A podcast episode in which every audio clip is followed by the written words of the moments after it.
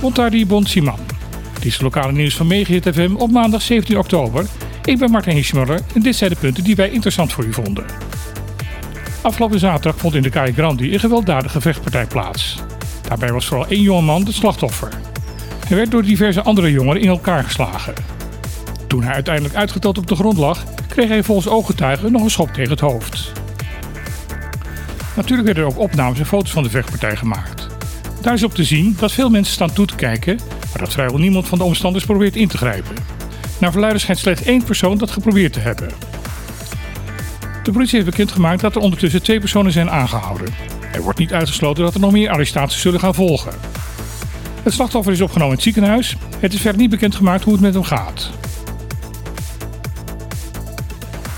Om infectieziektes beter en doeltreffender te kunnen bestrijden, is het essentieel om te weten welke ziektes binnen de bevolking circuleren en met welke snelheid dat gebeurt.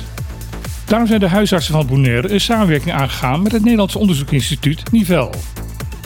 Om de verspreiding van besmettelijke ziektes rechtstreeks te kunnen monitoren, is vanuit deze samenwerking het huisartsenregistratienetwerk Nederlands-Caribisch Gebied ontstaan.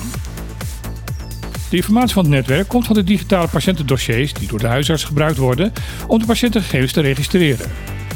Met deze informatie, die binnen het netwerk wordt samengebracht, kan de toename van een bepaalde infectie direct worden gesignaleerd en kunnen indien nodig vroegtijdig maatregelen genomen worden. Hierdoor zal de gezondheid van de bevolking van Bonaire beter beschermd gaan worden.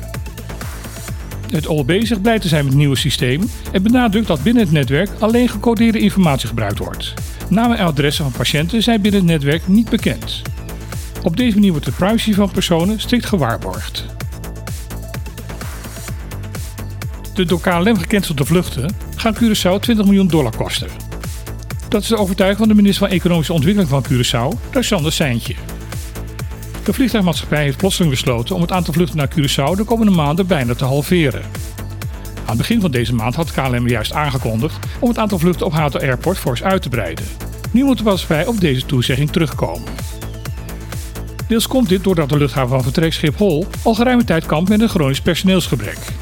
Daardoor heeft Schiphol het maximaal aantal vertrekkende passagiers per dag moeten inperken. Daarnaast kampt ook KLM zelf met een personeelstekort. Dit geldt vooral bij het onderhoudspersoneel. Daardoor is de maatschappij genoodzaakt om ook zelf het aantal vluchten te reduceren. Volgens minister Seintje loopt Curaçao door deze aanpassingen de komende maanden 230 toeristen per dag mis. Hij is samen met de Curaçao Tourist Board naar alternatieven aan het kijken. Vluchten vanuit vliegvelden elders in Europa zou daarbij een mogelijkheid kunnen zijn. Voor de KLM-vluchten naar Bonaire zijn er vooralsnog geen inkrimpingen bekendgemaakt. Den Haag is de afspraken over het bestrijden van de corruptie binnen het best niet nagekomen. Dat is de conclusie van de Raad van Rechtshandhaving. De Raad is kritisch over de rol van de Nederlandse Rijksoverheid wat betreft de sturing van het proces en wil dat het ministerie van Justitie en Veiligheid en van Binnenlandse Zaken en Koningsrechtsrelaties daar veel meer het voortouw in gaan nemen.